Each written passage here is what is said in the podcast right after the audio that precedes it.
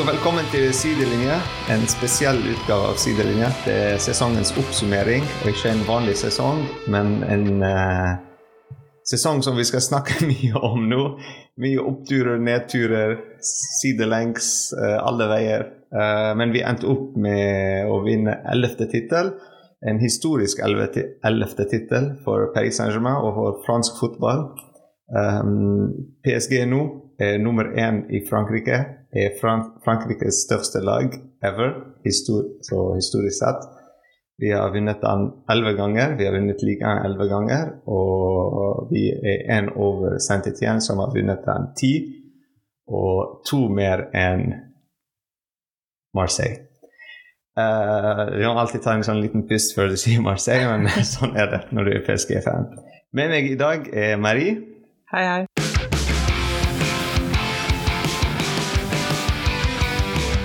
Uh, vi skal snakke mye om PSG og sånn. Vi skal uh, nevne òg et par ting før, som er sånn fersk fra i går uh, kveld. Er at MBP blir kåret til beste spiller i den UNFB-trofé, som er hvert år, hvor de kårer beste spillere i ligaen.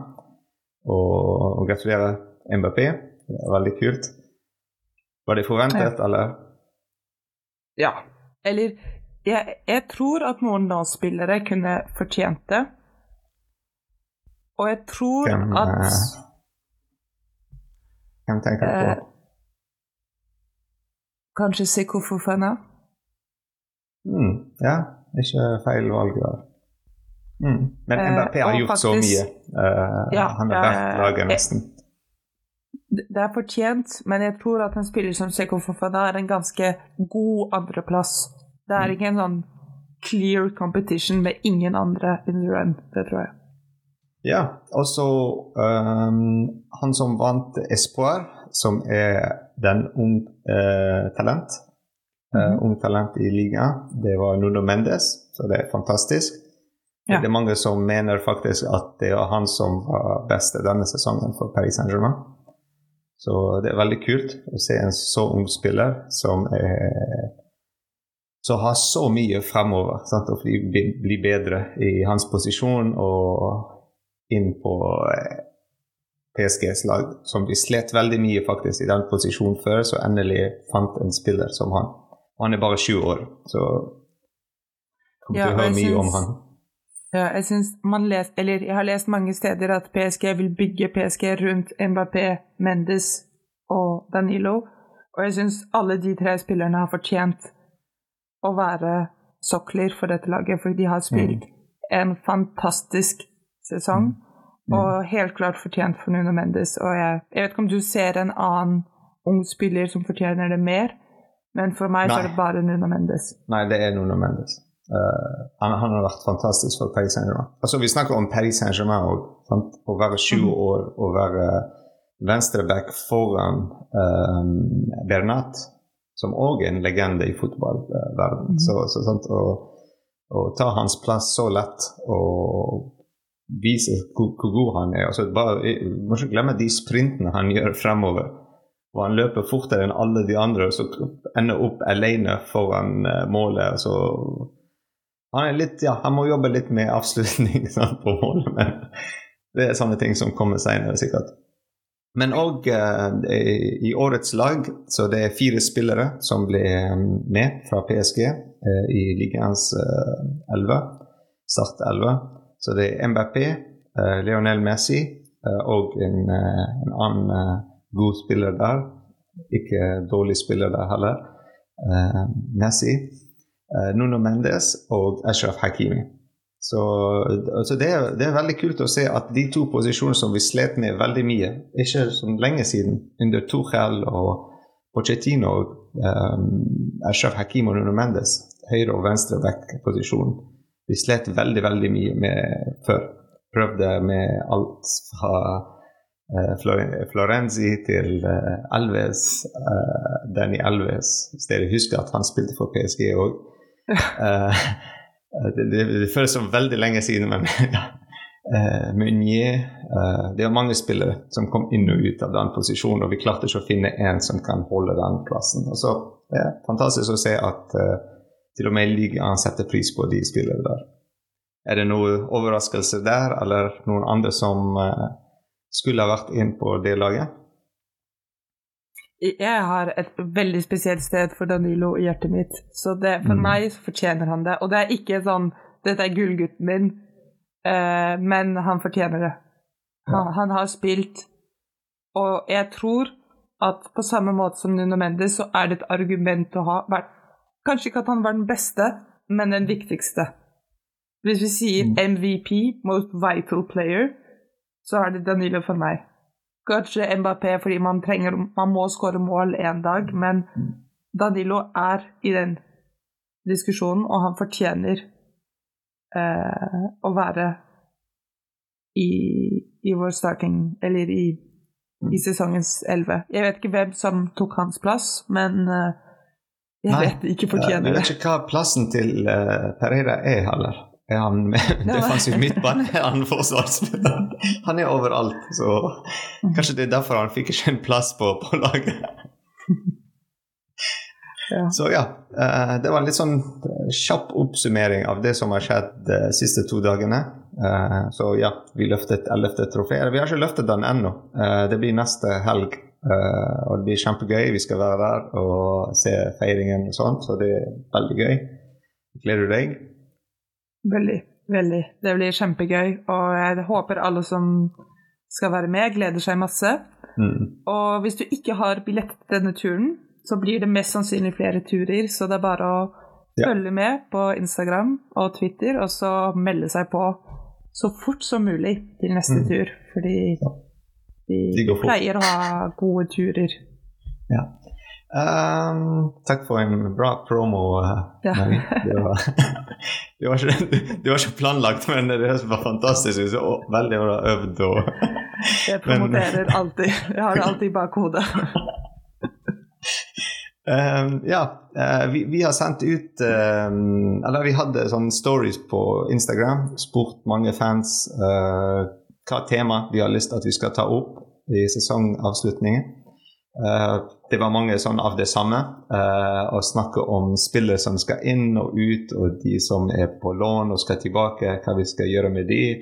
eh, hva vi syns vi skal gjøre med de. Vi må alltid minne alle at vi har ikke noe valg. altså Det er ikke opp til oss hva som skjer i PSG, men vi har noen meninger, og jeg føler at Jeg håper vi representerer mye av det dere tenker òg, så det er kult. Eh, altså trenerrollen. Det er mange navn som kommer inn og ut. Um, stadion skal vi snakke, om, snakke litt om det, for det er ikke så mye uh, offisielt ennå, og ikke så mye som er snakket åpent. Alt skjer under, sånn, under bordet eller bak uh, lukket dører, så det er litt vanskelig å finne informasjon som vi kan stole på, eller informasjon vi kan dele med alle. Så det er mye bare snakk. Uh, altså PSG-sesong, om vi er fornøyd eller ikke. Uh, det er sånn, De temaene var sånn mest uh, altså, relevant til en sånn episode. Andre temaer også som blir sendt inn, det er kule ting som vi kan kanskje ta nest andre ganger. Men det er kult å se at mange var engasjert og sendte oss spørsmål. Skal vi starte med stadion, siden det er den som er litt wishy-washy, hvor vi vet ikke så mye, så vi kan bare si det Ja. vi mener, og så hoppe videre til neste. Stadion. Den heter Ja. Parc des Princes, og den skal alltid hete Parc des Princes. Er vi ferdig med den, skal vi over til neste.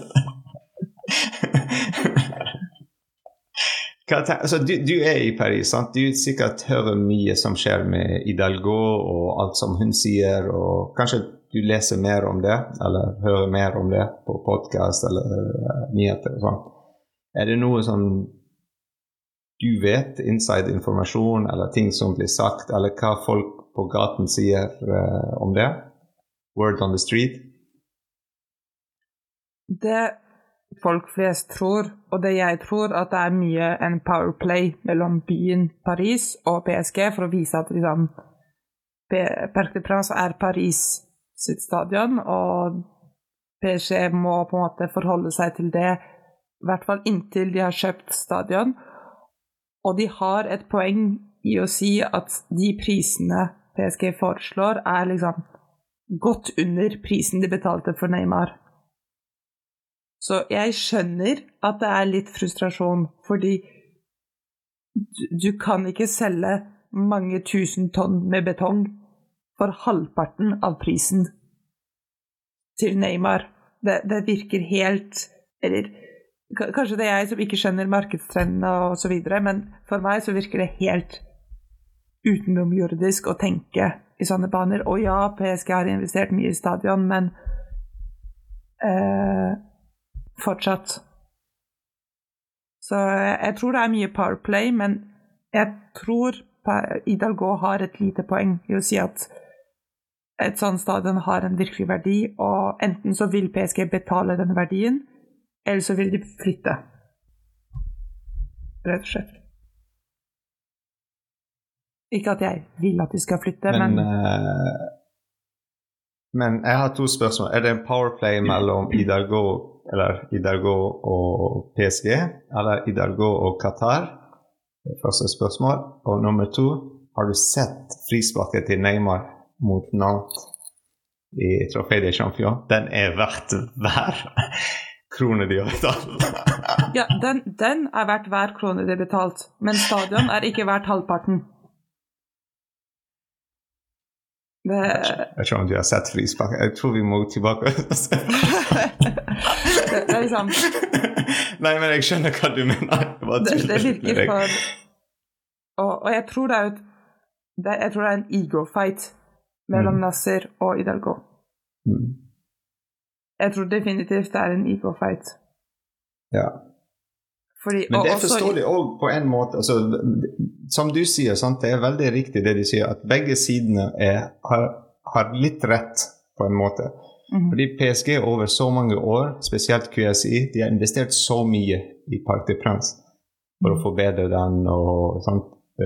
Øke kapasiteten, eh, gjøre den litt mer moderne. Uh, vi må ikke glemme at når de kom inn, Party de Prince var ikke i den, altså, i den uh, status som den, den, er i nå. Men jeg tror det er en litt sånn, litt sånn mexican standoff. Idalgo sier å ja, prøv å flytte i stedet fra oss, se hva Ultra sier. Og Dazer sier å ja, prøv å gjøre noe annet med Parc de Prince enn å ha PSG der. sånn ha Hvem kan fylle den stadion i Paris sitt fotballbilde? Ingen. Og så sender de Idalgo groteskt store tall, og Nasir groteskt små tall. Og, mm. og de sånn møtes ikke i midten. Ja, ja, nei, jeg, jeg, tror det er akkurat sånn. Sånn, ja, tre ører og to bokser med makrell. Det er litt sånn Jeg, jeg tror det er mye bullshit. Eh. Men, men um, uh, akkurat nå så det er Idelgo, hele rådhuset på en måte. Det er de som vinner akkurat nå eh, i den Mexican standup som du uh, beskrev. Um, så eneste Eller det valg, altså det som PSG tenkte, er å flytte til uh, Stade de France. Uh, som på en måte er ikke i Paris. Den er mm. litt utenfor Paris. Uh, men, Men Paris Saint-Germain er på en måte en klubb som ikke er helt Paris heller. Fordi vi glemmer helt Saint-Germain, men Saint-Germain er en by. Ja, og det, historisk sett så har de sterke linker til PSG. Det er, det er ikke bare Paris sin klubb. Og, men jeg tror også det er mye, litt som med Mbappé, mye sånn fake krangling. Sånn. Mm det, det, er bra for Hidalgo å vise at 'å ja, jeg, jeg har kontroll'. Mm. Og det er bra for Nasser å vise at 'å, jeg kan stå imot hele Paris by'. Men jeg, jeg, jeg, tror at alle vet på slutten av dagen at det enkleste og det beste er å finne en enighet om Rundt, å selge Parc de Prince. Eh, Parc de Prince. Ja. ja. Uh, men problemet er at den enigheten koster veldig mye. Uh, men, men ja, det, ja, sant. Så how much do you want it? Sant? Hvor mye vil du ha den? Det er det som uh, Et stadion koster veldig mye. Det er ingen planet hvor å ha Stade de France ikke koster dyrt. Å oh ja, fordi de må fikses veldig mye i Stade de France. Stade de France er ikke en bra stadion akkurat nå. Den er bygget i 90 Eller de første kamp var i 98. De begynte å bygge den rundt 94-96 eller noe sånt. Uh, så den er, mm. den er, veldig gammeldags og veldig uh, Ikke moderne i det hele tatt. Og ikke i sånn beste område i Paris heller å ha en stadion på. Så, så, så det, og også, vi må ikke glemme at dette er stadion hvor Frankrike vant sitt første VM. Det vil ikke være populært i Frankrike at den er eid av en klubb Prøv å selge Wembley til Tottenham. Det, det er ikke, ikke smart move for meg. For ingen av partene. Det, jeg ser absolutt ikke hvem som syns det er en god idé, så jeg tror at bottom line er at alle vil ha PSG i Parc de France, og at hvis PSG vil eie stadionet sin, så må de bite i det sure eplet at å eie et stadion er svinedyrt. Basta. Ja, altså, men En annen argument er at uh, kanskje vi må flytte fra Parc de Princes fordi vi trenger større stadion. Altså, ja, De mm. kan øke kapasitet og alt dette, men de kan ikke øke den veldig mye. Parc de Princes. Mm. Altså, de har alltid sånn en limit. En, uh, du kan ikke toppe. sant? Uh, mm.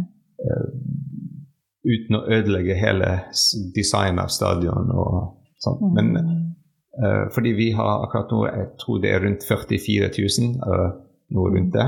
Uh, men du ser alle andre stadioner rundt i England og verden og Champions League-lag og de nye stadionene til Barcelona, Real Madrid, de bare øker mer og mer. Uh, Stade de la Luz, Benfica, det vi spilte i Champions League, og veldig stor stadion. Sånn. Altså, den, den, um, den, effekten og? Uh, Alltid vi tenker ja, Party Prince, vi må holde den og alt, men det er litt av det òg Å flytte fra Party Prince. Og jeg er veldig sånn uh, Jeg har kjempelyst til å bare holde Party Prince og tenke at det er, så, det er et eller annet unikt med den stadion. Altså et eller annet spesielt med den stadion.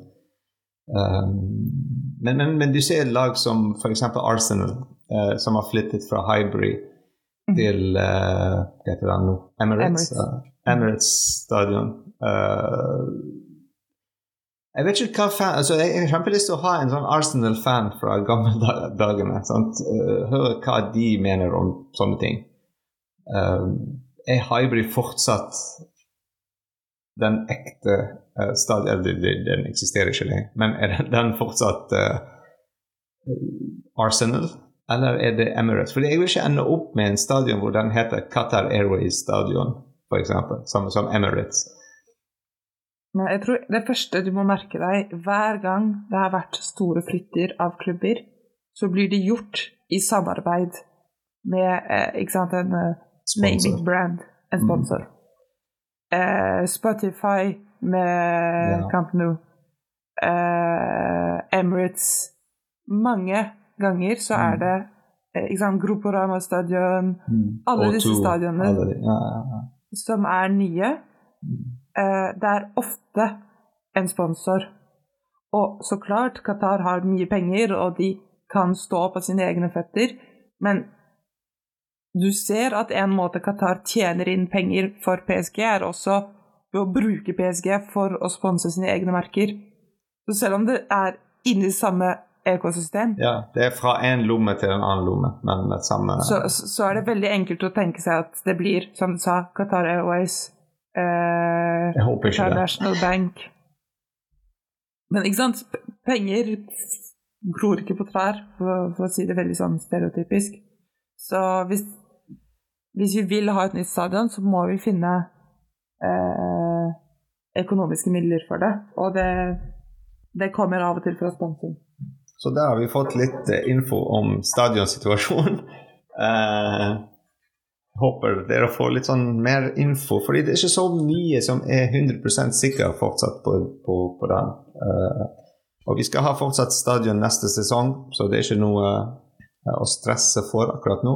Eh, jeg håper vi klarer å holde den uh, lenge, faktisk. Eller kjøpe Ja. den. Um, Ja. Ja. Jeg vet ikke hvor mye den de vil ha. Hvor mye var det Hidalgo ville ha?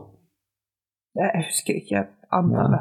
For jeg bare tenkte Hvis vi lager sånn en aksjon på nettet, og så alle sender inn ti kroner i hele verden som er PSG-fans Klarer vi som fans kjøpe den? Dimitri Stadion! Alltid tenkt på sånne ting som sånn kampanje. King ja. Bob! uh, hvis vi skal snakke litt om overganger og spillere og sånn, jeg tror det sunneste måte å gjøre det er å snakke trener først. For Vi kan ikke bare kjøpe inn og selge spillere uten å ha en trener på plass som vet hvem som kommer inn og ut, og få inn de spillere som han har ikke lyst på, og ende opp med sånn Pochettino-problem. hvor vi bare kjøpte inn Messi og Ramos, og han, han var sånn, bare stress, mer og mer stresset av å se de på, på laget enn uh, være sånn eh, glad å se det. Så ja, hvis du tenker på trenersituasjonen Akkurat nå så vi har Galtier. Offisielt han er fortsatt uh, vår trener. Han skal være trener neste sesong. Offisielt alt er der for han å fortsette. Og han er der ikke alene, men med Campos, uh, som hjelper han til å få innspillere og styre alt som er ikke den uh, sportslige på laget. På første laget. Så ja, skal vi oppsummere Galtiers sesong, eller skal vi nevne de andre som er mulighet til å ta hans plass? Jeg tror vi kan begynne med å oppsummere Galtiers sesong i veldig store linjer. Altså Ja. si veldig, veldig bra start. Mye bedre enn alle forventet. Og så Egentlig det er to deler for meg. Før VM kanonstart. Etter VM vanskeligere. Sånn vil jeg oppsummert det. Hver, hver, hver um, um, pressekonferanse med Galtier, han nevner én ting, og han sier det hver eneste pressekonferanse, at denne sesongen er en veldig spesiell sesong. Jeg vet ikke om han sier det bare for, altså, for å vise at ikke døm meg på den sesongen, men gi meg en sjanse til. Jeg vet ikke om det er det han prøver å si, uh, men han sier det er en veldig spesiell sesong det vi så i begynnelsen av sesongen, var noe helt annet. Altså, det var der vi har tenkt å være. Uh, altså, det var en VM i 19, og så etter det uh, Vi så det som har skjedd der. Det var mange tap ut av Coupe de France, ut av Champions League. Men endte opp med en uh, ligatittel. Uh, så det er en ting han sier hele tiden, og jeg føler at han har rett til et viss grad. Fordi hvis du ser på VM, uh, laget som hadde mest spillere i VM, er Manchester City. Og de har endt opp i Champions League-finalen. Så VM er ikke sånn, noe som kan ødelegge sesongen for et lag, hvis den er bygget på riktig. Uh, hvis laget er motivert riktig. Um, men jeg føler motivasjonen av laget når vi først kom inn i sesongen, uh, og vi så hvor, god de, altså hvor, bra de har spilt i begynnelsen av sesongen, uh, var VM. Og det var ikke Champions League eller å løfte trofeer med så, ligger ikke å nevne Champions League veldig mye, men å, å, å løfte trofeer med, med Paris Saint-Germain Jeg tror ikke det var der fokuset var av spillere. Jeg tror det ikke bare er VM som gjør at denne sesongen er spesiell. Vi, vi, vi må, hvis du ser på City Jeg kan ikke huske forrige gang de solgte en spiller som var sett på som en viktig spiller i det laget. PSG solgte jeg vet ikke hvor mange spillere, eller lånte ut hvor mange spillere i fjor sommer. Det, det er, jeg, jeg tror vi ikke ser for oss hvor stort sjokk det er å bare bytte ti stykker på laget ditt sånn, og få inn eh, nye spillere. Og jeg tror at PSG har hatt en veldig dårlig rekrutteringspolitikk de siste årene. har rekruttert mange spillere for en altfor høy lønn som vi ikke klarer å bli kvitt med. Og at vi må komme inn i en sunn dynamikk. Jeg tror Galtier var del av den sunne dynamikken. Og hvis vi nå begynner å tenke å ja, men dette er vanskelig og dette er smertefullt, og vi går tilbake til det vi gjorde før, så kommer vi aldri ut av de dårlige vannene våre. Vi vil alltid ha sånne primadonnaer. Nå må vi kjøre gjennom den perioden hvor vi betaler dobbeltlønner og har lite valg av spillere, fordi vi må ha råd til å betale Kursava i Fulham for at han skal sitte på benken, ikke engang i vår eget stadion, men i London. Og, og jeg tror det er det Galtier mener. Dette er litt sånn ødeleggelsesfasen i å bygge noe nytt. Og hvis vi nå tenker å, vi vil ha Zidane, og vi vil ha eh, Vinicius og Haaland og na, na, na, na, na, Så kjører vi rett tilbake til sånn 2017, har en kanonsesong, tenker wow, begynnelsen, og så rett ned igjen. Og så begynner vi på nytt. Samme eh, skjema. Så for min del, hvis vi sparker Gartier nå, så viser vi at vi har absolutt ikke lært noen ting av sånn ti år med QSI-fotball. Da hopper vi over alle navnene som uh, jeg har skrevet ned her. nei, nei, men du, du så klart kjør på. nei, fordi det er mange navn som har dukket opp. Uh, de har nevnt Zidane, men Zidane, altså, vi kan se tidlig at han har ikke lyst til å være uh, eh, PSG-trener. Mm. Så vi bare hopper over han. Um, ja. Mourinho, det er et navn. Luis Enrique har dukket opp siste ukene. Tiago Motta, alltid der. Eh, et navn som alltid dukker opp, uansett hvem eh, treneren vi snakker om er, så er han alltid plan B. Uh, og så Siste trener jeg har hørt, uh, er Jabi Alonso. Og det er en trener som uh, er valget av emiren i Qatar, faktisk. Men det ser ut som Jabi Alonso har ikke lyst til det. Han, han prøver å få den jobben i Real Madrid den uh, trenerjobben i Real Madrid. Um, hvis Angelotti uh, slutter der, eller får sparken der, eller en av de slutter å være trener der Blir så, uh, pent som å gå. ja, jeg vet ikke hvordan det skal ende opp for han, men ja. Men uh, med Mourinho Hva tenker du om han? Kan han komme inn Altså, han er en fantastisk god venn av Campos og de er venner. Jeg tror Mourinho funker i underdog-lags. Det, det, det, er det han har, er laget for for meg. Og, og, når du ser den intensiteten han går inn i Roma-kamper Jeg tror ikke han vil gi det samme for, for, PSG, og jeg tror ikke det er et lag som passer han.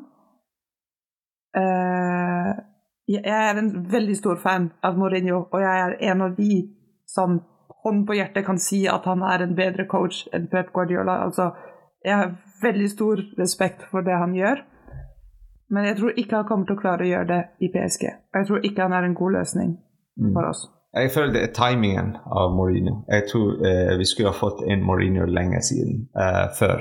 Eh, kanskje etter eh, hva heter han, eh, Laurent Blanc kanskje etter Laurent Blanc hvis vi, hvis vi fikk Unai Emry i stedet for Unai Emry hvis vi fikk Mourinho der.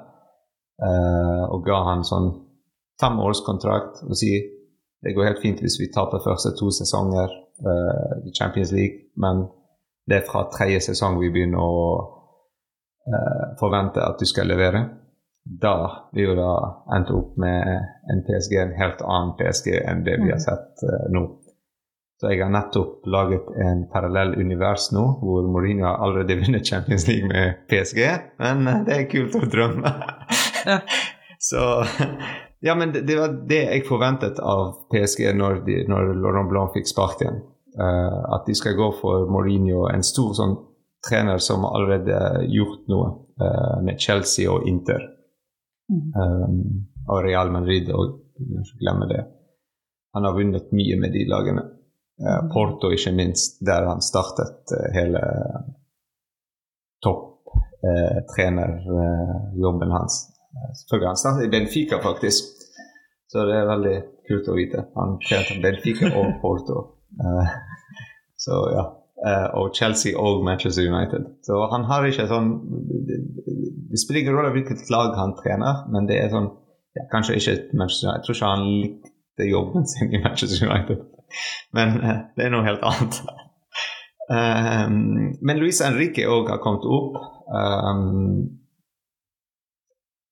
sant? Uh, jeg, vet ikke, hva skal jeg si om, om, det. Jeg vet ikke hvem som kommer opp med de navnene.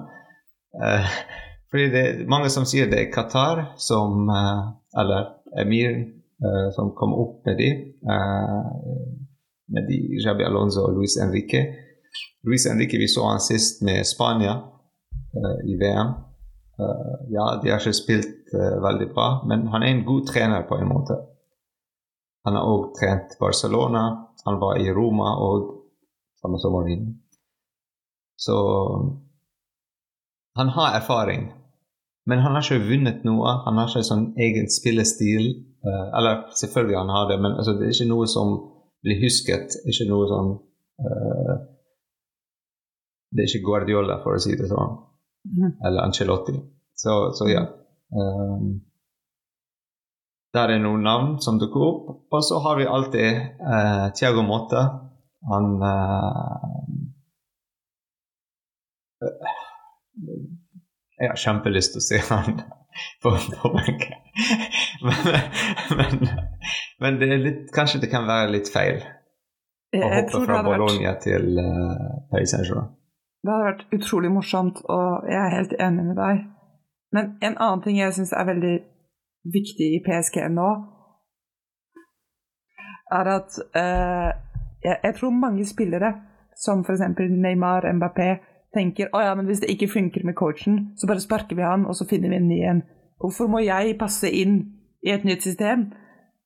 Det er, det er sånn, det er én kamp igjen i sesongen. Det går ikke som å passe systemet rundt meg. Ja, ikke sant. Og, og, og hvis han ikke gjør det, så, så, vinner jeg i den kampen. Og jeg tror det er veldig viktig at du sier nei. Vi skal presse deg inn i denne formen, om du vil eller ei. Og det er Galtier-fotball i minst fire sesonger.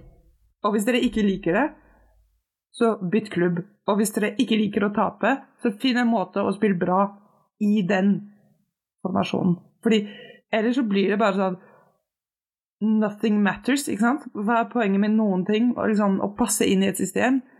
Når du vet at Thiago Motta kommer og sier 'Å ja, Verratti er vår stjernemann, og vi skal kjøpe Zlatan tilbake'. Ikke sant? Det, det er ingen poeng å investere long term for noen av spillere hvis de, hvis de fortsetter sånn. Men altså, Tiago Motta hadde Uh, litt gøye taktikker òg når han var treneren for uh, Paris Saint-Germain, de unge. Uh, mm. Som jeg vil anbefale at dere sjekker ut på nettet. På YouTube det er mange videoer som forklarer hans formasjoner. Det er veldig kule videoer. Er, han har en 2-6-2-formasjon. En 2-1-5-2-formasjon. Men han klarte å vinne med den. Han, han klarte å vinne mange kamper med den formasjonen. Fordi motstanderens uh, trener har aldri sett noe sånt før, og de klarte ikke å spille mot uh, PSG-laget. Altså, mm. Han er sånn smart på sin egen måte, men hvis alt går feil, så går det veldig feil. Det er det som er farlig med Tiago Motta. Jeg tror det er det som er forskjellen mellom U19 og førstelag. Altså, ja hvis du prøver Én, Bayern har sett og tenkt på alt. Og to, de er så well versed i det de gjør, at de vil spille rundt alt. Det, det, de, med mindre du gjør det virkelig liksom, sjokkerende. Mm. Men selv da så tror jeg det er, det er, ingen måte du kan bare sjokkere de ut av deres eh, spill. Til og med hvis du dukker opp med en sånn formasjon, en 2-6-2 to bak, seks i midtbanen og to fremme. Ja, jeg, jeg, tror det Det er kaos i midtbanen. Det er sånn bare Du har ballen hele tiden. Ja.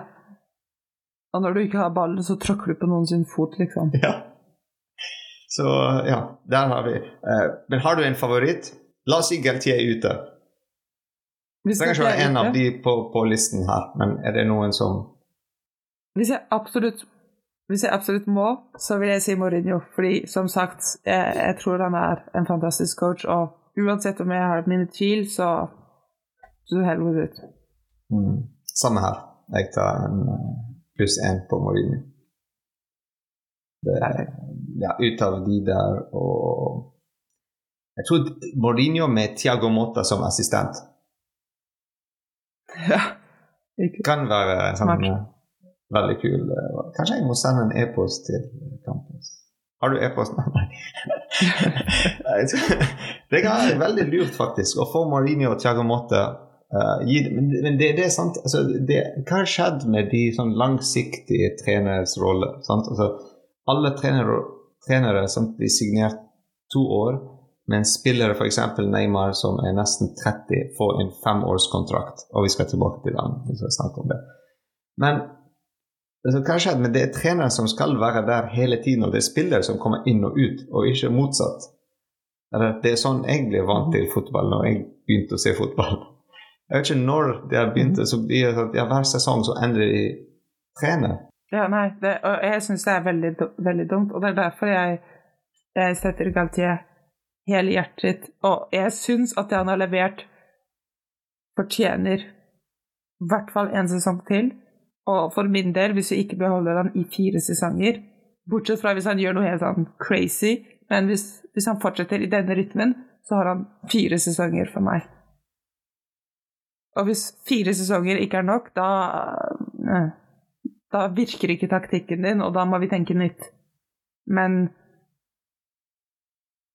Ja, altså Manchester City er et bra eksempel. Uh, hvor mange år de har vært uh, med, lojale med treneren sin. Og så endte opp nå i Champions League-finalen, og det er stor sjanse at de vinner den òg mot Inter. Eh, så ja. Så ja. eh, Mourinho og Thiago Motta som assistent er vår eh, plan B. plan. Um, vi snakket om stadion, så vi skal snakke om spillere. Uh, det er en lang liste av spillere som skal tilbake fra lån, som du nevnte. Vi har mange av de Nei, ikke mange. Eh, et par av de kanskje vi har lyst til å se tilbake. Ikke om, mange som vi har lyst til å se igjen. Men eh, de skal tilbake, og det er en stor jobb for um, Campos til å finne nye lag for dem, Uh, eller å finne en måte å ikke ha dem med i begynnelsen av neste sesong. Spesielt hvis vi skal kjøpe inn uh, nye spillere. Og vi skal merke nå at mange av de spillere er i midtbaneposisjon. Noe som eh, vi slet med litt eh, det siste. Eh, så ja, vi har Veinaldo tilbake fra Mourinhos lag Roma. Icardi fra Galatasaray. Jeg tror han skårte i går òg. Ja, bra mål, jeg må si. Eh, Draxler fra Benfica. Eh, Paredes fra Juventus. Diallo Leipzig. Eh, Navas fra Nottingham Forest. Og eh, Dagba fra Strasbourg. Jeg vet ikke om Misho er han på lån. Eh, Jeg bare tenkte på han nå. Eller er han Jeg tror han er på lån. Han er på lån, så han òg er tilbake. Jeg tror det er Sunderland han er på. Ja. Men jeg tror det er ganske advanced talks om at han skal bli der. Bli i, Sunderland. Ja. Ja, Så da har vi allerede fikset én ting. Uh, Micho Sunderland. Skal vi ta en quickfire hvor vi begge sier om vi vil beholde eller sende ut? Ja, jeg bare prøver å lese gjennom det. Ja. Uh, skal vi si uh, Colin Dagba, høyrebacken, Selge. Selle. Vi har mange der i den posisjonen akkurat nå. Ja. Uh, kanskje det er bedre for han, faktisk. Uh, mm -hmm. uh Diallo, Selge. Selle. Tok litt tid, fordi altså Vi trenger en spiller der bak, men uh, ja, kanskje det ikke er Diallo. Uh, her er det, Selle. Selge. Uh, Michou, Mm. Selge. Ja, eller gi han en kontrakt, og så låner han ut. Uh, Ja, ja ok, ikke selge, men låne ut. Ja. Eh, Draxler, Selge. selge. Uh, Vagnaldo, din favoritt fra forrige sesong, selge. selge. Uh, Icardi. Jeg ville beholde han. Uh, Det er min hot stake. jeg vil beholde han. Selge. La oss diskutere. Det er veldig interessant. Er det fordi vi mangler en eh, nomini? Ja. Og jeg vil ikke beholde Kitty Og jeg tror ikke det er realistisk å håpe at vi kjøper to nominier. Og jeg, min mening er at et godt lag trenger to nominiere, og Mbappé er ikke vår nomini. Og hvis vi får Icardi tilbake, så har vi én, og vi må kjøpe én. Og vi kan okay. sette han som vår nummer to. Det er ikke det. Jeg vil ikke se han spille hver gang. Men han er god nok til å kunne være innbytter for PSG, eller i hvert fall det han har vist denne sesongen. Og det er ikke realistisk å tenke at vi kjøper to nominiere. Og da må vi beholde Ikitiki. Ekitiki. Og Icardi er bedre enn Ikitiki. Så det er litt sånn Når alt er sagt og gjort, så er han egentlig vårt beste valg eh, akkurat nå. Vi kan komme tilbake til det, for vi skal snakke litt om spissposisjon. Men uh, Navas Selge. han har kjempelyst til å komme tilbake, faktisk. Å ja? Ja. Som nummer to? Uff. Jeg vet ikke. Han sa han har lyst til å spille Champions League. Mhm. Men jeg tror det, det, det er Jeg tror det sånn blir på Fifa mer enn eh, i et fotball. det, jeg, jeg håper at han finner Champions League-fotball i en annen klubb, og han har nivå til det. Han har det. Det er det. Uh, Han fortjener ikke å spille i Nottingham Forest, jeg er men stor fan av Navas. han har ikke sin plass i PSG lenger. Og for han Ja. sin del, ikke fordi jeg ikke likte det han ga klubben, men Ja. vi har gjort et valg, og vi må stå ved det. Ja, riktig. Ehm, ja, nei, uh, uten Navas på laget med oss neste sesong. Jeg vil ikke se, si selge, fordi det er vondt å si selge Navas. Men uh, Navas ikke med oss neste sesong. Det høres ut som han har gått bort. Altså, det er en spiller som ikke mange snakker om nå. Det er eh, Savi Simon som vinner Dutch Cup med uh, PSV Eindhoven. Men han, han ble solgt, tror jeg. Nei, det er det. Uh, han er på Ja, ja, han er solgt. Solgt Men- men med en sånn er- clause Men det en som sier at. Hvis vi har første rett. vi har første rett hvis han har lyst til å komme tilbake, og jeg tror det er veldig billig. Altså rundt sånn 7 millioner. Er billig. 20 millioner euro. Men når vi snakker om stadion, å kjøpe stadion, altså 20 millioner er billig. Um, Ja. ja. Eh, så ja. Hva tenker du der? Skal vi prøve å få han tilbake? Eller Absolutt. tenke Absolutt. Ja. Eh, ja, for meg det er litt vanskelig. Det er ja og nei.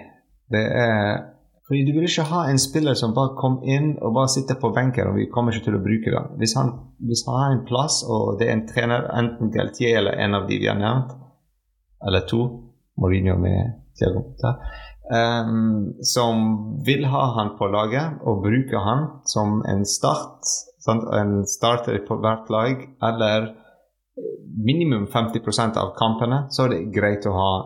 Fordi Jeg vil ikke ha han og Zair Emry neste sesong sitte på benken og aldri spille. Enten de er med på laget, det er en viktig del av laget, eller det er ingen vits å ha det. Det er bedre at de, de, de gjør det bra i andre lag. Ja, jeg er helt enig i, i, i det. Og, men for meg så er min liksom, drømmevisjon for vår midtbane at vi har Vitinha, Verratti, Zair Emri, Xavi Simons, uh, Ruiz Og hvis helsen hans gjør at det er mulig, Sanchez. Alle andre er ut. Så basically alle vi har lånt ut, ut, og Soler ut. Så, og, og, og, det betyr at han er i verste fall i en tomannsrotasjon, ikke sant. Det er det Mm. verste, verste som kan skje med han. Og jeg syns det forblir veldig bra. Spesielt når du tenker hvor fysisk midtbanen er. Så tror jeg det er en av de stillingene hvor vi, vi må forvente mest rotasjon hvis vi ikke vil ha skader. Ja, det er veldig dumt at vi har mistet han faktisk eh, forrige sesong eh, på den måten. Han kunne ha vært uh, gull for oss denne sesongen, men eh, Mm. sånn er det. Uh, jeg håper han Jeg håper de gjør riktig valg der med han. Og de prioriterer å signere han foran andre spillere som har aldri spilt for PSG. Uh, fordi han Ja. kan lage, han kan kulturen. eh, sant? Ikke samme trener, men samme mentalitet, samme kultur, samme alt. Mm. Skal vi begynne fra spissposisjon for spillere som skal inn? Fordi vi begynte med Icardi som nummer to, etter din mening. Uh, så hvem Fordi vi tenkte å kjøpe en spiller foran. Eh, og det er mange navn som dukket opp. Uh, noen av de er Harry Kane, som er 30 år. Jeg vet ikke om dere har hørt om han. Men han spiller for Tottenham òg. Og har veldig lyst på en trofé. Han har kjempelyst på en trofé. Uh, og uh, Victor, Victor Osimen, han er fra Nigeria, 24 år. eh, Spiller for Napoli. Uh, Skårer mange, mange mål. Um, spiller med en kul maske på. Så det er en annen type spiller. Veldig annerledes enn eh, Harry Kane. Uh, men, men det det alt, Det er derfor jeg hører ikke så mye på rykter og sånt.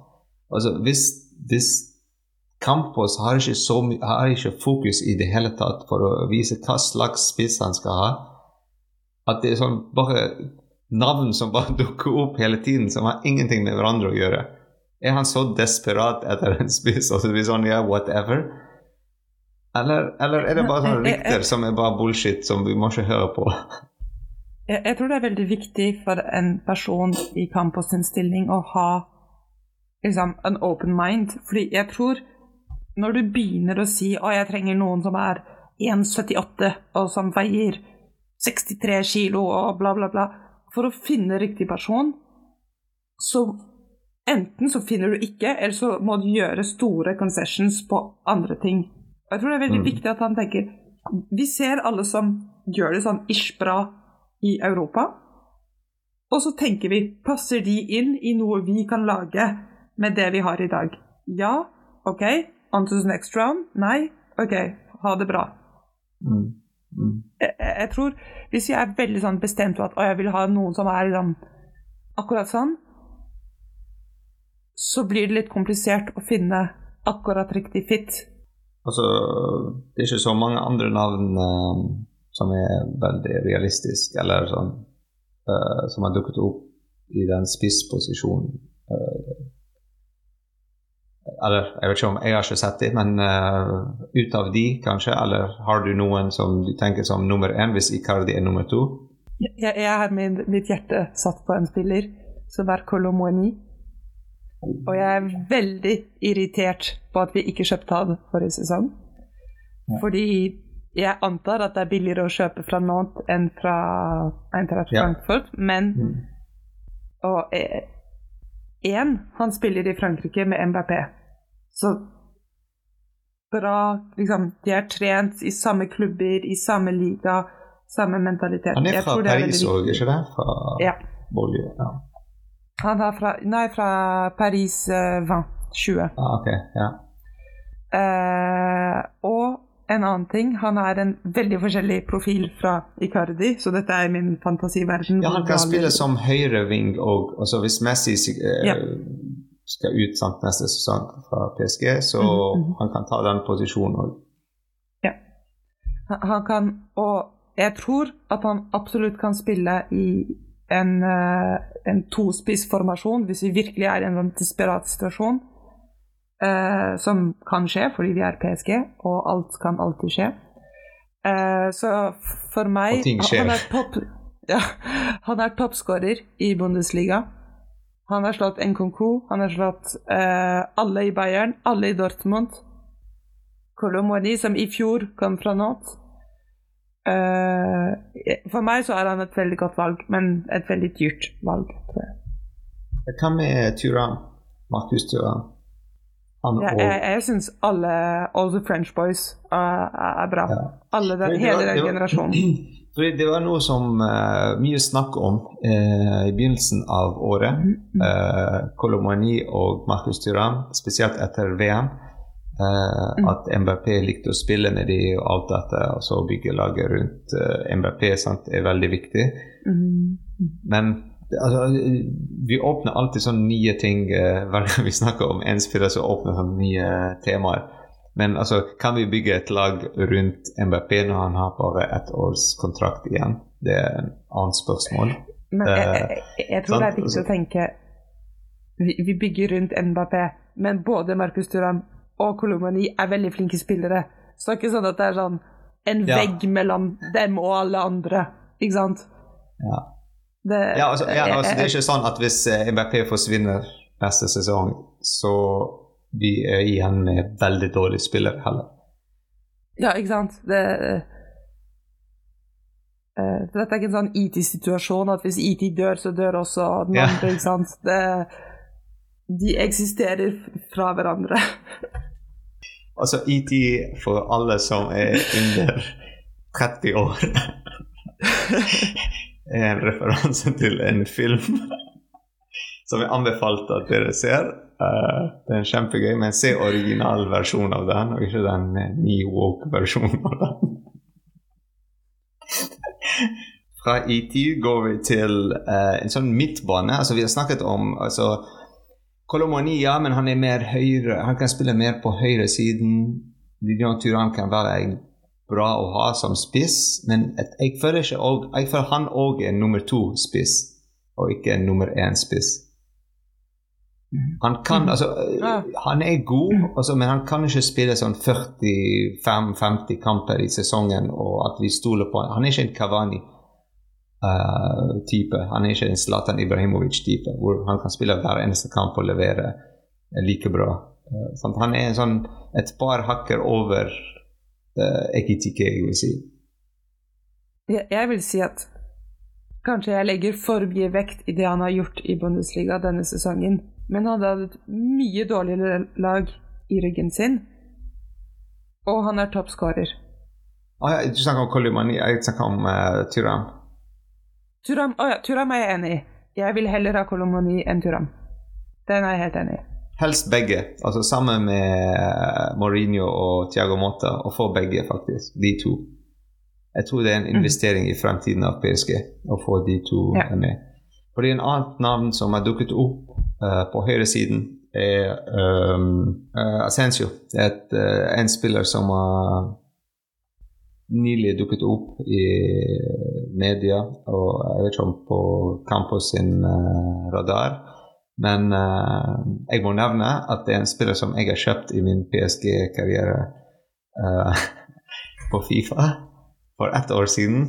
Uh, og jeg har gjort det før Campos. Jeg må bare nevne det. Det må ut i verden. Monsieur, vous êtes un con et un incompétent. Og hvordan funket det?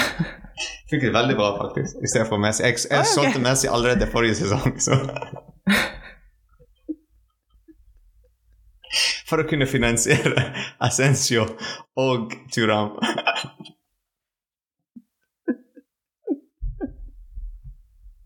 Så alt som skjer nå, jeg har aldri gjort før. Ok, ok. Ja, nei, Asensio. Det er, et, det er et bra navn. Han er 27 år, tror jeg. Så han er rundt 27. Um, jeg tror han kan være bra spiller faktisk for PSG. Han er um, nesten som uh, Jeg vet ikke om dere husker han, Pablo Sarabia, men litt bedre. han, Altså, han har den, den Det vi så av Sarabia første sesong.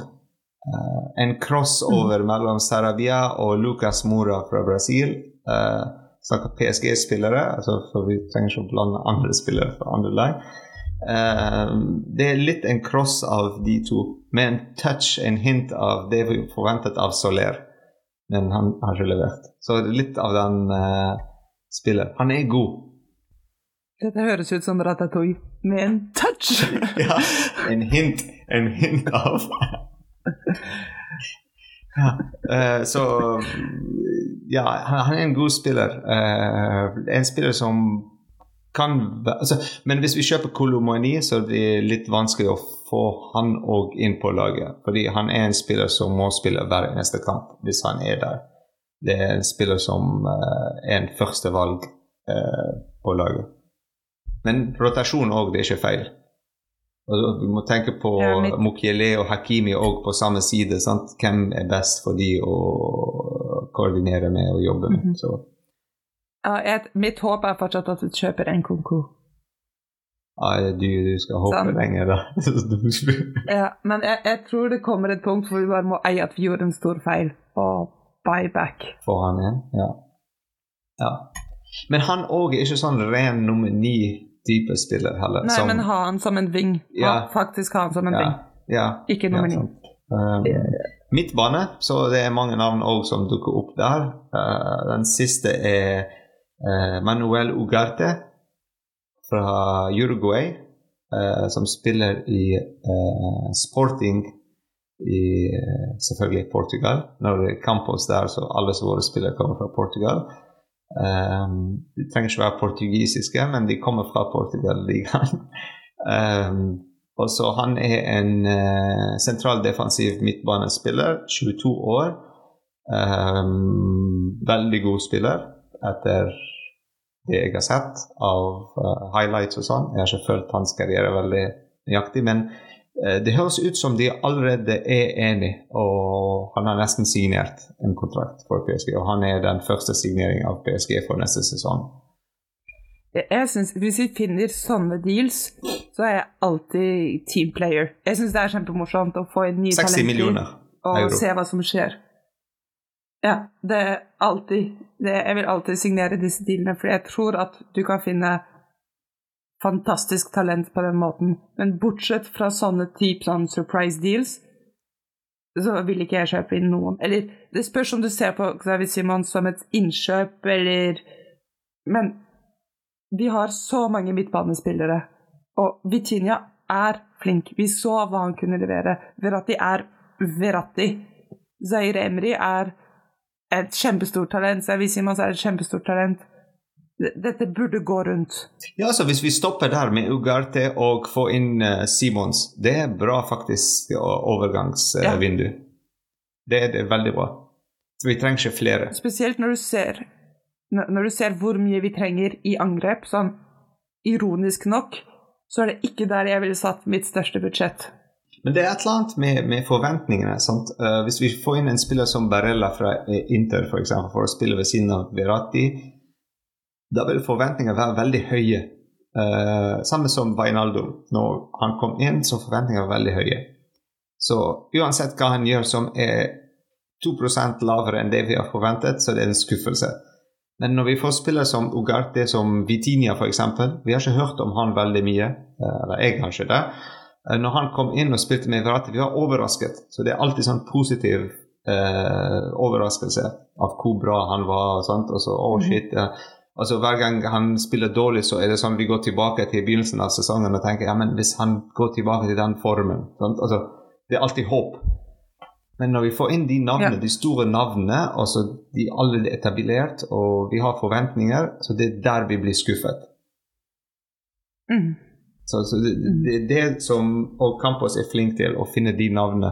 Nuno Mendes er ikke minst en av de spillere som han har signert og som var fantastisk. Mm. Eller nei, det var Leonardo faktisk som fant han. Uh, Litt creds til Leonardo. Ja, ja, Campos de får seg uh, Men ja, uh, sammen med Danilo Pereira. sant? Første sesong vi var sånn Hvorfor har vi kjøpt han? Han er så dårlig, alt dette. Sant? Men mer og mer han har gjort, kommet inn på laget, og vi så alle rundt han på midtbanen, alle rundt han på Forsvaret sant? endret seg, alle blir solgt og lånt ut, mens han er fortsatt der under så mange forskjellige trenere. Da så vi hvor viktig han er for laget. Eh, og det er sånne spillere vi er etter. Men selvfølgelig, det er greit å ha og MBP eller Neymar på laget for å sant? Og gi òg litt pizzazz til laget. Gi litt uh, krydder til, til spillestil og alt dette. Eh, Men, men, men det, er litt, det er litt av det òg. Å få de unge spillere til å eh, Ikke bare fordi de er unge, men fordi de har talent. De har talentet. De, de kommer til å gjøre det treneren har sagt. Eh, eh, for å holde litt av den strukturen for at MBP og Neymar og de spillere kan få friheten fremover. Så vi trenger de spillere.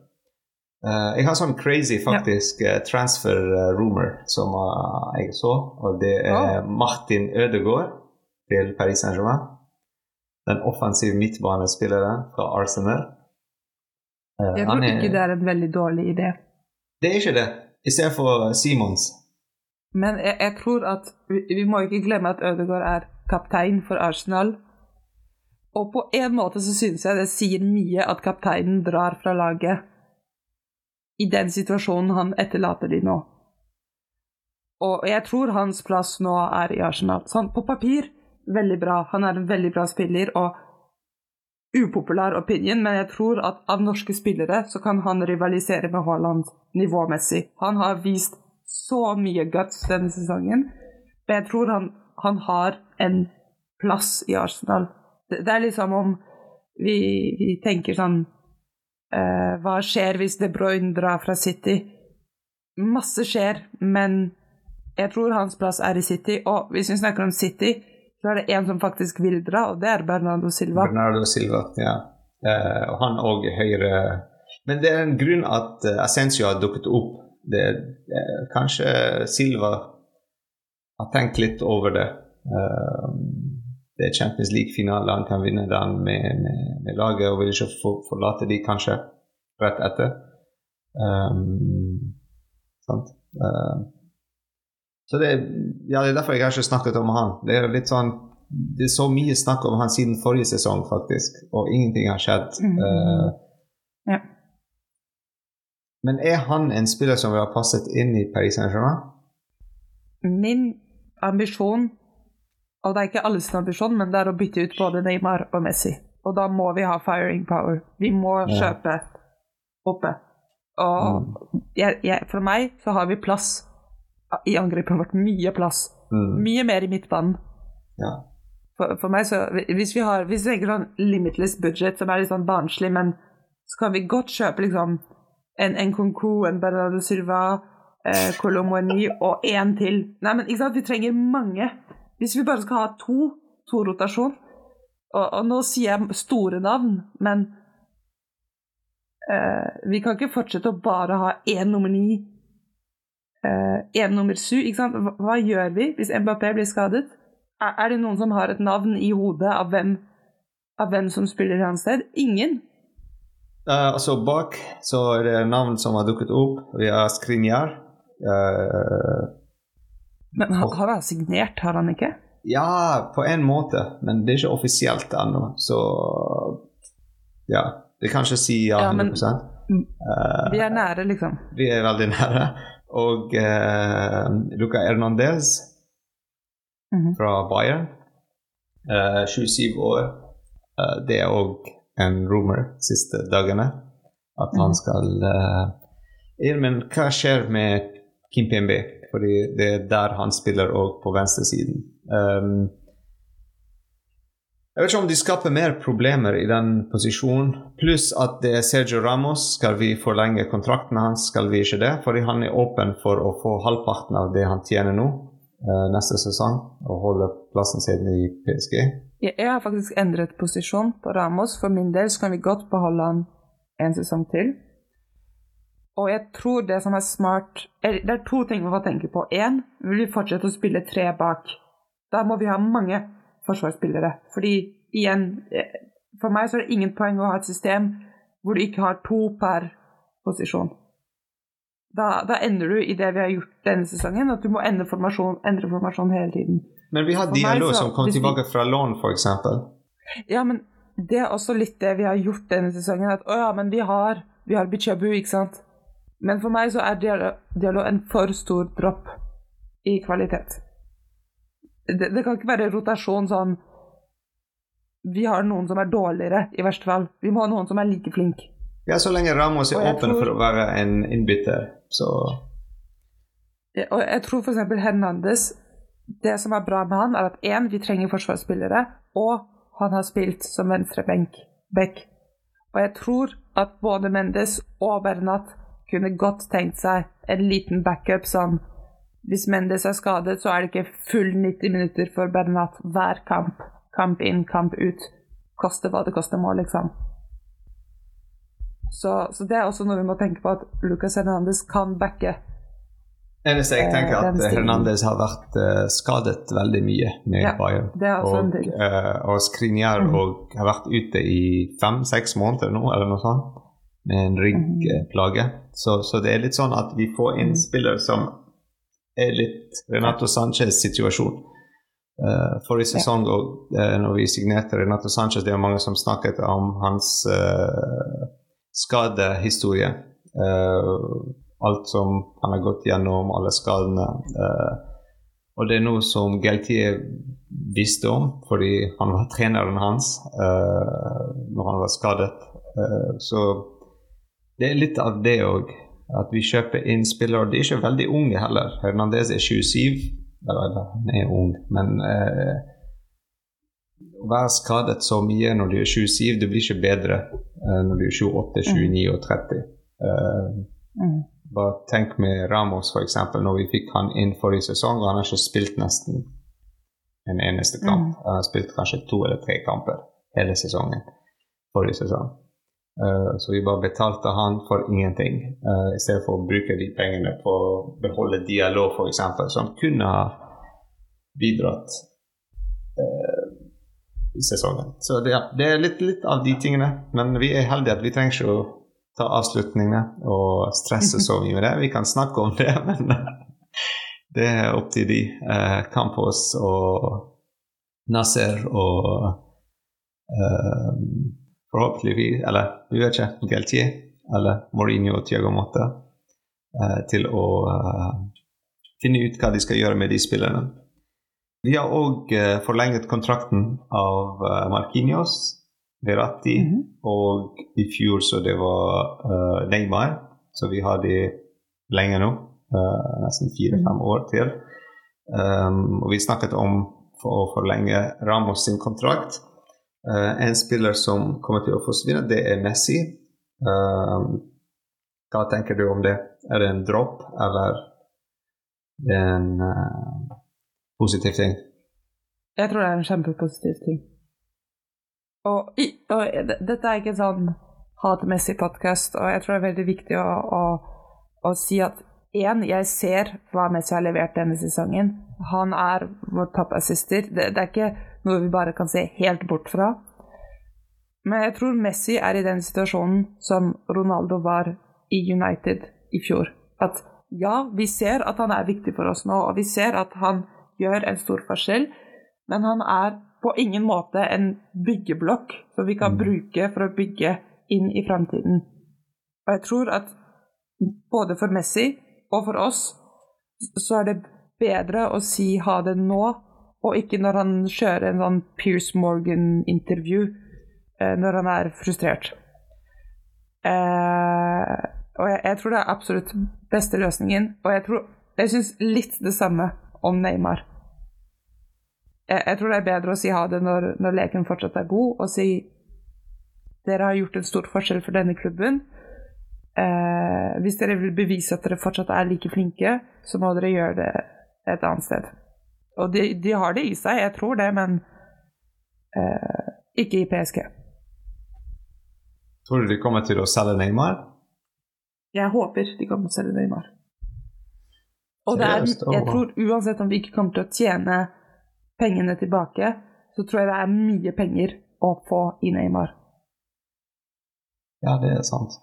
Det er en veldig god økonomisk deal. Og Ja, det er en annen spiller som er skadet ofte med PSG, og, og eh, det, det høres ut som han kommer ikke til å være tilbake til begynnelsen av neste sesong. Det er sånn jeg har hørt, uh, at det kan ta litt tid for han å komme tilbake fra skaden. Så ja, jeg vet ikke hvem skal investere i en skadet Neymar. ja. Så jeg tror vi har altså, klart å dekke alt av de spørsmål som eh, kom opp. Men um, skal vi oppsummere PSGs sesong uh, først? Vi kan si hva de har gjort, og så om det er en uh, bra sesong eller en helt fiasko eller flopp. Så um, PSG uh, vant Trofé de Champion. Eh, de ble slått ut av Eller PSG og var i finalen av VM med MBP og Messi. Og eh, en av de spillerne vant VM, så ta det òg som creds til PSG. Men og eh, vi ble slått ut av eh, Champions League av Bayern i en veldig dårlig prestasjon av Champions League-kamp, jeg vil si. Og eh, vi og tapte i eh, Coupe de France mot eh, Marseille, som òg er litt sånn veldig negativ for denne sesongen. Men òg vi klarte å vinne den ellevte tittelen, som er historisk, og noe som reddet sesongen vår på en måte. Fordi det var en veldig nedtur fra begynnelsen av 2023 til nå. Um, så jeg vet ikke hvordan du ser eh, sesongen, Marie. Eh, Det er ikke det at jeg ikke vil være med på leken, men for meg så er det litt feil å ranke denne sesongen. Fordi dette er liksom første steg i å bytte identitet. Og jeg tror at hvis Så du ser det sånn faktisk som at vi har byttet identitet? Det er det vi begynner å gjøre nå. Og det er derfor jeg ikke vil at vi skal selge Gautier. Uh, og jeg tror det er veldig viktig nå at vi tenker Dette er- var ikke en sesong for å vinne alt. Dette var en sesong hvor vi tenker om tre-fire år. Det er derfor vi vinner nå. Pep Guardiola vant ikke Premier League første sesong med City. Hvis du ser det, det laget han arvet Det tok tid å bygge en helt ny kultur og mentalitet, og plutselig så var de Centurions. Og det er det jeg håper skjer med PSG. Så du, du kan alltid gi en karakter, jeg vil si eh, Hvis du balanserer hvor bra vi startet og vi, hvor dårlig vi endte, så vil jeg si en sekser. Men jeg tror ikke det er det vi prøvde å oppnå. Jeg tror det vi prøver å oppnå, er å eh, vaske ut alt som er dumt med denne klubben. Og jeg håper vi fortsetter. Jeg bare tenker på alt vi har gått gjennom denne sesongen. Eh, som du sier, begynnelsen var fantastisk. VM som var veldig gøy og bra. Eh, nedturer, kamper vi tapte. Eh, alle skadene vi har gått gjennom. Problemet til Galtier i retten. altså Det var sånn problem med Galtier og vi har ikke nevnt sånne personlige greier som har dukket opp fra eh, hans tid i Nice. Um, Neymar som ble skadet, Messi som bare reiser på til eh, Saudi-Arabia uten tillatelse eh, fra klubben. Eh, det er mange, mye som har skjedd. Og eh, selv om alt har skjedd, og sånn, vi klarte det også. Vi klarte å vinne denne sesongen. Vi klarte å vinne ligaen. Som er noe som for meg i hvert fall, det er veldig viktig å kunne vinne den eh, tittelen. Eh, det er superviktig, fordi det er den som er første steg til å kunne spille Champions League neste sesong. For det er mange som snakker om ja, vi skal vinne Champions League og sånn. Ja, men hvis vi vinner ikke liga, hvordan skal vi kvalifisere oss til Champions League? Hvordan skal vi komme inn i Champions League som eh, Frankrikes mestere? Sant? Vi må vinne den.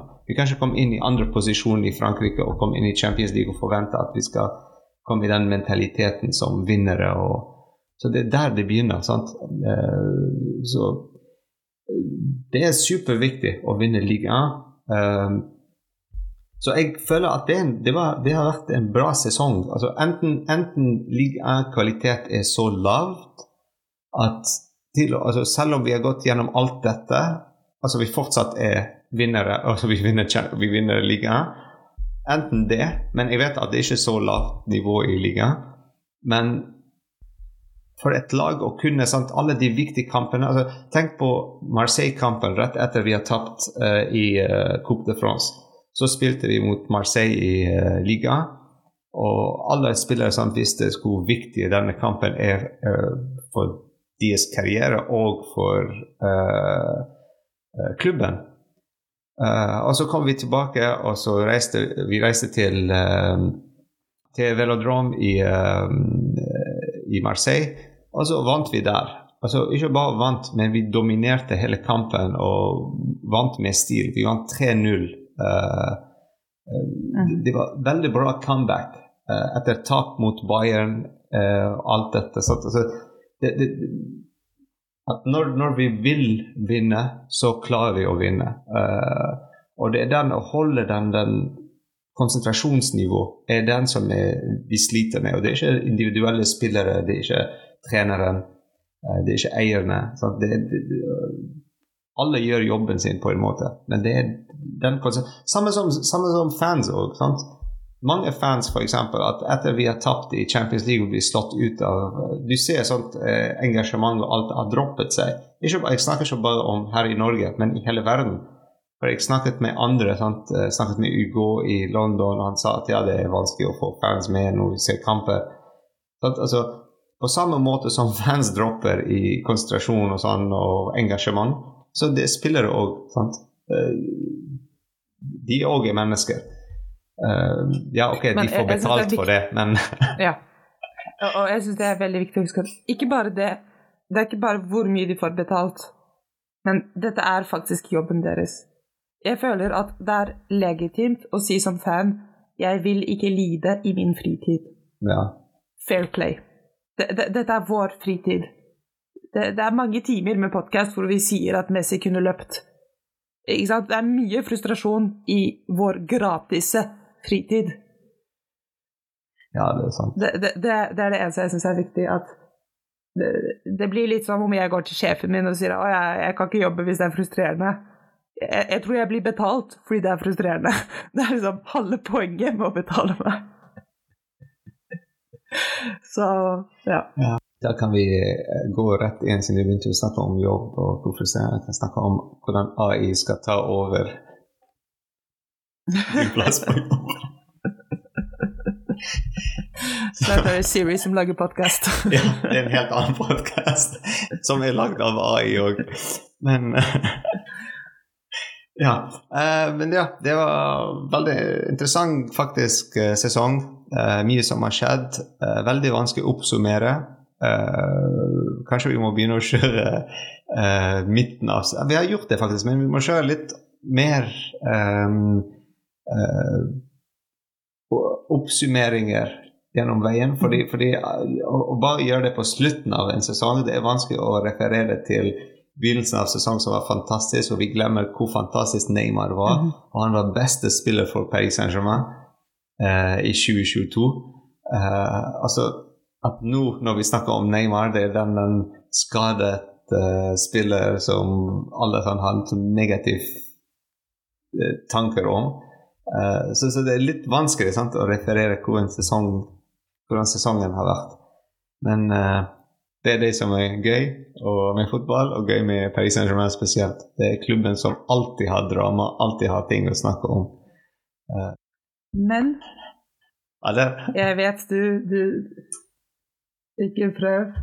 Men du er den eneste som ikke har tatt quizen, så ja, jeg foreslår at vi tar en quiz. Så du kjenner spørsmålet, du får ikke mye mental forberedning. Så tre, to, én, go. Mbappé eller Pauletta? To forskjellige spillere, men jeg går for Mbappé. Ok. Uh, hva er første følelse når du tenker på PSG? Kjærlighet. 4-3-3 eller 3-4-1-2? 3-4-1-2. Kavani eller Zlatan? Cavani. Beste keeper gjennom tidene? Bernard Lama. Klart. OM i liga eller Makabi Haifa i Champions League? OM-ligaen.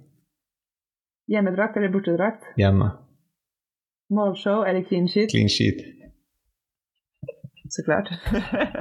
Jeg kan ikke snakke om clean sheet hele sesongen og så si målshow nå.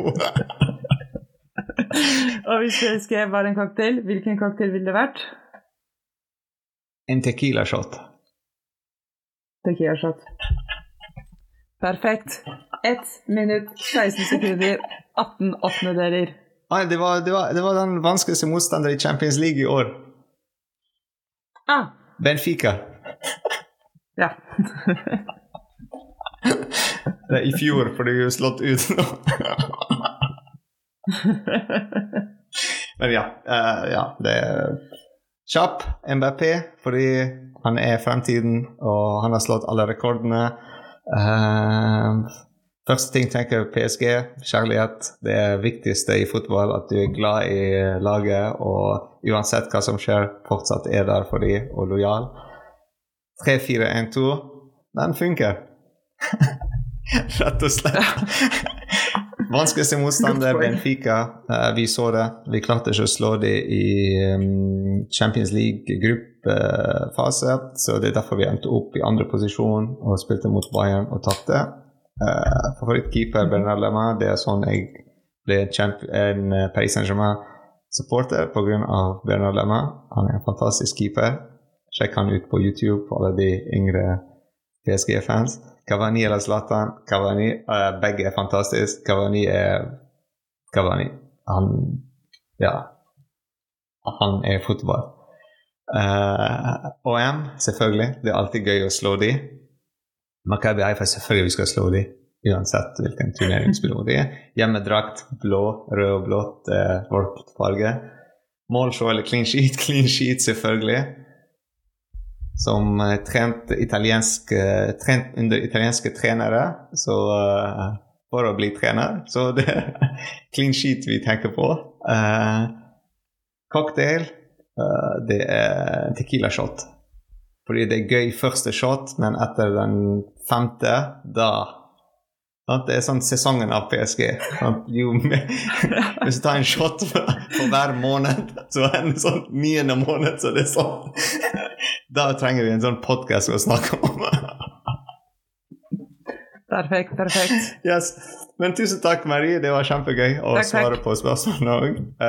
og um, det er alltid gøy å høre fra dere. Og så alle spørsmålene var faktisk fra dere, så vi bare sånn tweaket de litt for å få de under de kategoriene vi snakket om. Så um, ja. Det er veldig veldig gøy faktisk å få de spørsmålene fra dere. Uh, det er bare å sende oss spørsmål underveis. altså jeg trenger ikke å legge den ut på Instagram eller Twitter, men det er bare å sende oss en eh, mail eller noe hvis dere har noe dere lurer på. Uh, så ja, tusen takk for en fantastisk sesong-ish. Det er fortsatt én kamp, og vi skal være der og løfte trofeer med laget. Uh, så det blir kjempegøy. Og vi ses, Marie, snart fysisk. Ses. I CC. Paris. Accélération de Ronaldinho,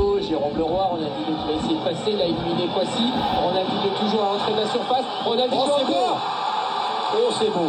Quel but exceptionnel réussi là par le Brésilien champion du monde du Paris Saint-Germain, Ronaldinho. 1-0 pour le PSG, ça n'est pas du talent collectif là,